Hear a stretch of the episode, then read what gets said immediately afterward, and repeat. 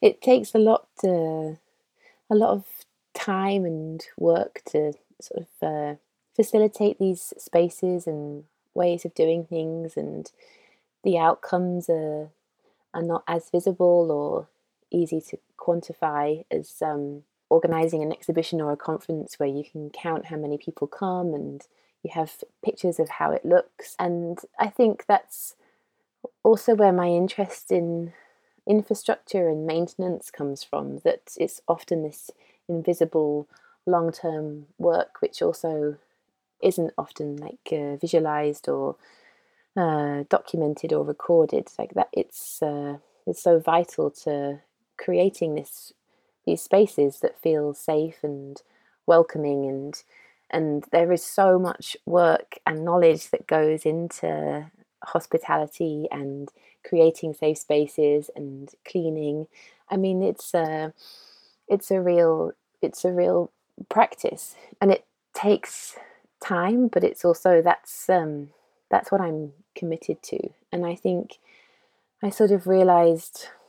i don't know when we were doing the exhibitions in our living room that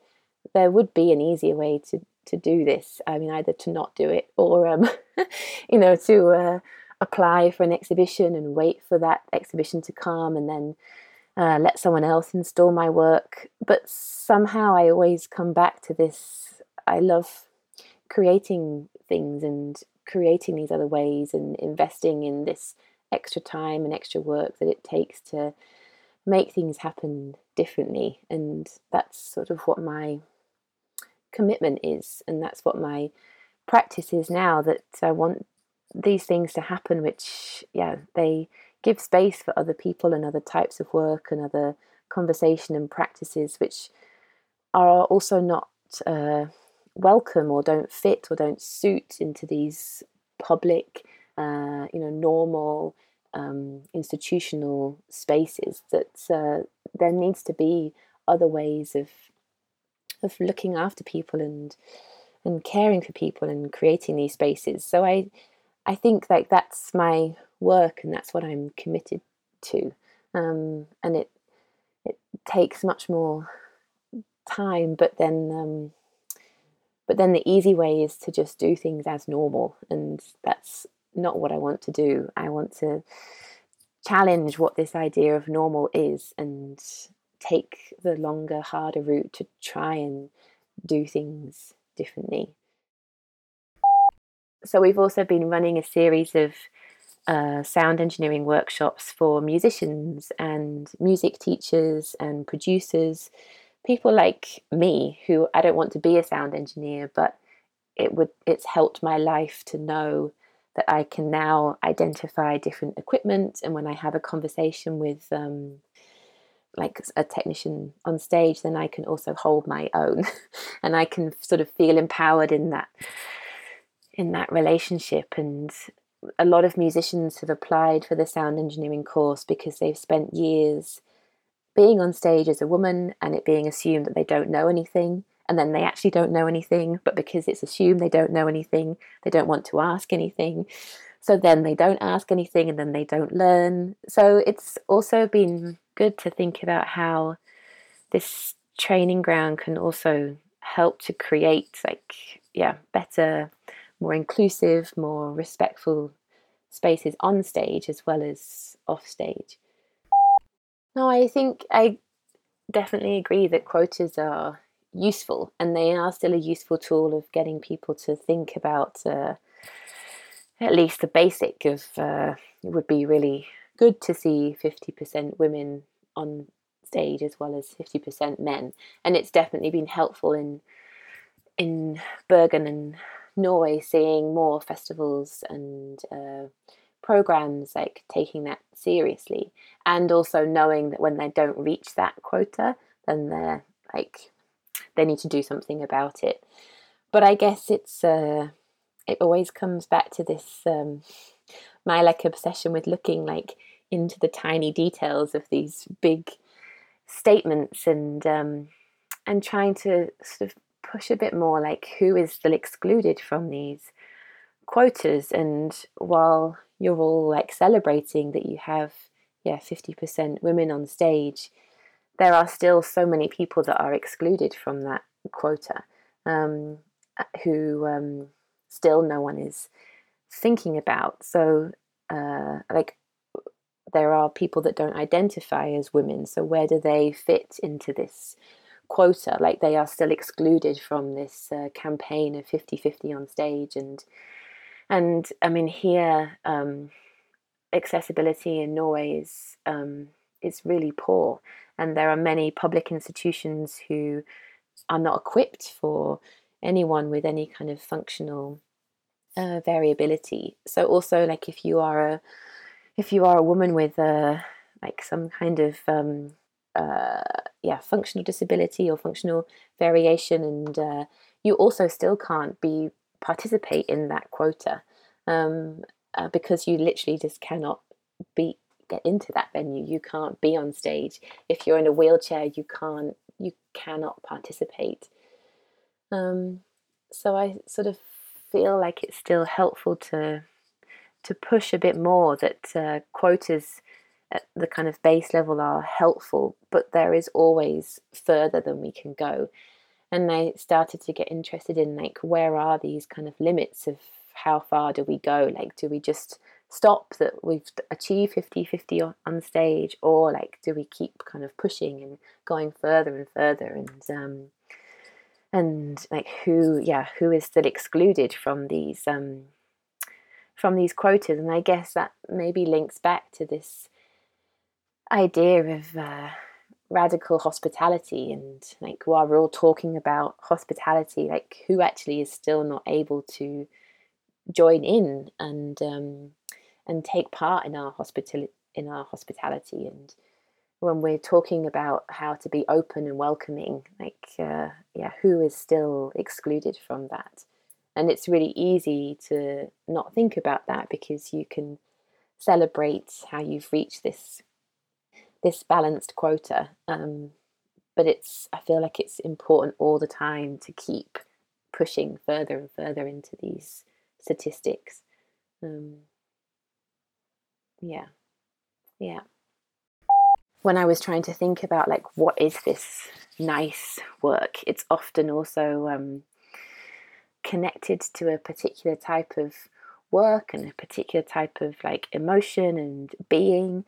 Um, and that's when uh, yeah Andrea Francke introduced me to this essay from Sara Ahmed uh, called Happy Objects, where she's introducing this idea of stickiness, which we then took as a really like good way to think about what things stick in history, like what gets historicized and acknowledged, and what things just slip away. Um, and why is it that Gordon Matta Clark, like charismatic man, sticks in history, whereas the women who were unblocking the toilet, buying the food, administrating the accounts, doing the staffing rotas, like why did their names like slip out of history? And Sara Ahmed is also um, yeah pointing to how these like emotions are often sort of what sustains specific connections between ideas and values and ways of working that uh, these kind of these emotions are what, um, dictates how we understand like a way of working or a, a type of work. And um, when she's kind of she goes further in her book called the promise of happiness where she's really trying to like expand this idea of happiness and what does happiness mean and um, and how can it be thought of as like critical um, like a critical way to think about the world um, where things can happen differently and that there is like political potential in these emotions which are often thought of as um, like as nice as not doing anything. There is like huge political potential um, in this, and that our emotions and our experiences are also what you know shapes our our political focus and determination in the world, and and uh, and allowing ourselves to kind of realize when those emotions have triggered something and and uh, pushed us into a feeling, then how can we use that feeling to like uh, then inform how we work and how we go forward and how we like yeah uh, make different ways of doing things in the world? And i think yeah Sara Ahmed is an incredible writer to think about emotions and um, uh, like how emotions are understood and which emotions and which experiences and which knowledge gets like a much bigger um, applause or taken much more seriously and which emotions are just kind of thought of as like a nice and they're not really doing anything. And i think like understanding that those um, emotional experiences that you have can really inform your politics and your way of wanting to build your world are really like it's really important to to harness those and to understand those um, because that is like a starting point for imagining new ways of doing things. And documentation is a big kind of area that we've been working on that uh, I really want to make sure that uh, documentation of events that we do, it's before we publish it online, it's checked with the people that are involved. They're happy with that and they can give their consent in advance, but uh, often you don't know how you're going to feel when you see a photo of yourself until you see it. So now we try to ask people after the event if they're happy for the photos to be shared. But that takes a longer time because you're asking people and they have time to think about it. And it's a bit like you're recording for this. I mean, I give my consent that you're recording, and and it's incredible that you um, you know then send uh, the recordings to listen to and you ask me like do i want this in or not? But that takes a long time. I mean it'd be much easier for everyone if we just kind of push things out as soon as they were ready and could move on to the next thing. But that's not how you want to work and it's not how i want to work. And that kind of working does not include everybody and we're doing a lot of work with the transgender community in bergen and a lot of them they're on stage for the first time, they're in, out in public for the first time. They don't want to see themselves in print, in photos, but they might, and um, they might want to. And so, working with them has really taught me a lot about slowing down and um, changing the way that we create these safe spaces. And it's actually a lot more about um, yeah, how we are documenting the event afterwards, how we're describing the event in advance, who's working at the event, how we're kind of structuring the timeline of the schedule to make space for people that are talking for the first time to like hold their nerves and be like experience their nerves and not just have to push them down and like get on with it. So I think I'm learning a lot through working with that community in Bergen that this idea of safe spaces and you know being nice and being hospitable it's actually like a lot more to do with the pragmatics of of running an event and these things that we usually just continue to do and take for granted like take photos of the event put it in our funding report put it online show that we had a great time like actually that's a that's like an area which we can really help more people to feel comfortable and able to be in our spaces if we have um, more of a dialogue around the documentation and how it's shared afterwards and who it's shared by and how people are credited in it. Do they want their real name on that photo? Do they want any name? So um, that's like takes much much more time, um, but it's uh, it actually genuinely creates safe spaces rather than just putting a poster on the door saying we want to create a safe space here. Um, it's like in the mechanics of organizing the event where we're actually like yeah trying to create these safe worlds. So yeah, it's much easier to just walk the normal path much quicker. And maybe that was also like my resistance to this. You can't be nice and get things done because the implications getting things done it's like it's quick and it's efficient and it's documentable and it's in a catalogue. And actually, maybe my idea of getting things done is being successful in another way, where um, I am running an organization and we are surviving, but we are also creating another way of doing things. Another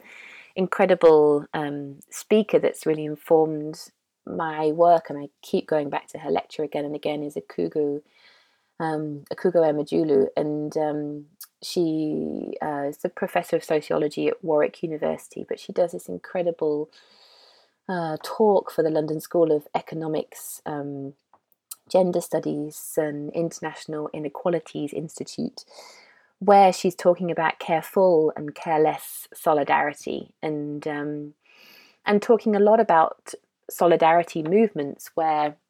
you are working for the same goal for equality, for equity, for supporting uh, marginalized people. You have a clear goal that in your movement you are working towards. But she interviewed a lot of uh, solidarity movements who, um, like through the process, had understood their own blind spots and where they were actually like excluding a lot of people from their from their way of working. Uh, one organization that she talked to uh, had set up like a lot of um, uh, meetings and uh, gatherings to kind of plan a, a, protest. And then, like at the end of it, they realized that the accessible uh, wheelchair, um, accessible toilet had been locked the whole time, and actually nobody knew where the key was and no one had ever needed the key because no one in a wheelchair was there. But then maybe that was the point that uh, it wasn't made clear enough that people with varied functional abilities could be present in that space of solidarity. So I encourage everyone I ever talk to, and especially when I'm teaching, to watch this lecture by Kugo Emejulu because she so amazingly challenges us all in our careful ways of working when we think we are being like have solidarity with people and we are forming alliances with people and we are working towards this shared aim of changing the world. Actually we still all have blind spots and um, missing areas of knowledge and experience which means that we are constantly like failing to include people um, and maybe that's also like something which comes up again and again in doing this work in institutions that no one wants to fail to fail and that's why um, you know reports of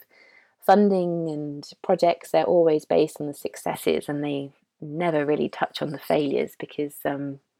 no one wants to admit that they've got something wrong.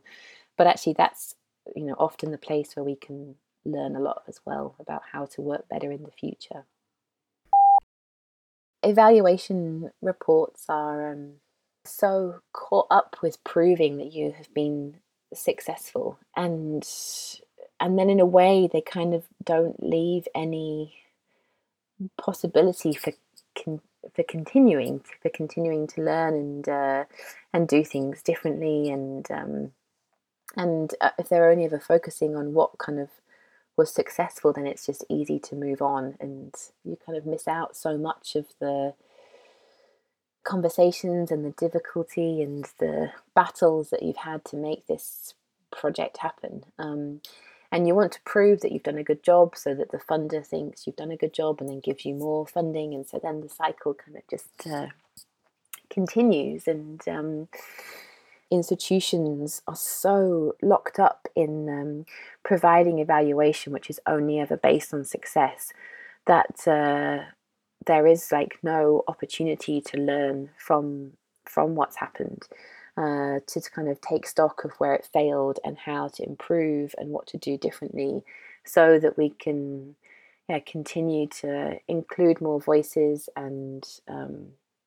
awaken or give eyes to our blind spots. So yeah, now I'm uh, about to write my annual report, and I can tell I've been putting it off for months, and now it's May, and I haven't done it still. Um,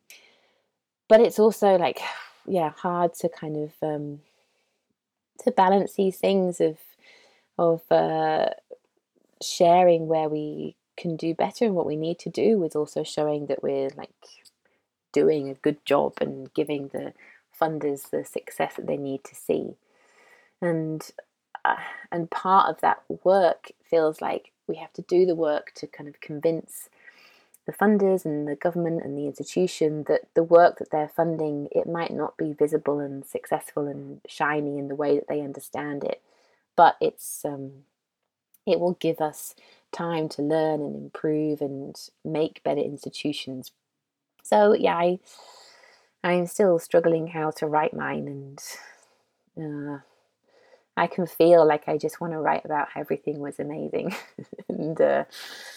and not the stuff that yeah didn't go well and but that we learned from it and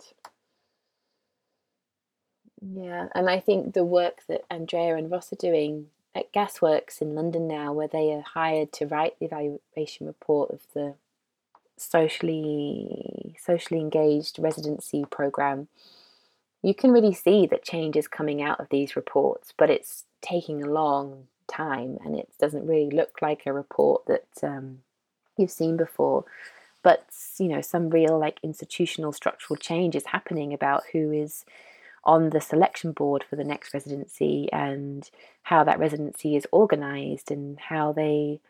yeah how they're kind of using that evaluation to feed into the next project rather than just like doing the same again and again. It's like a real total shift of understanding of these terms of success and good and proper and professional. Um, so it's a long process, but the more we can do to kind of show that success also exists in failure is um,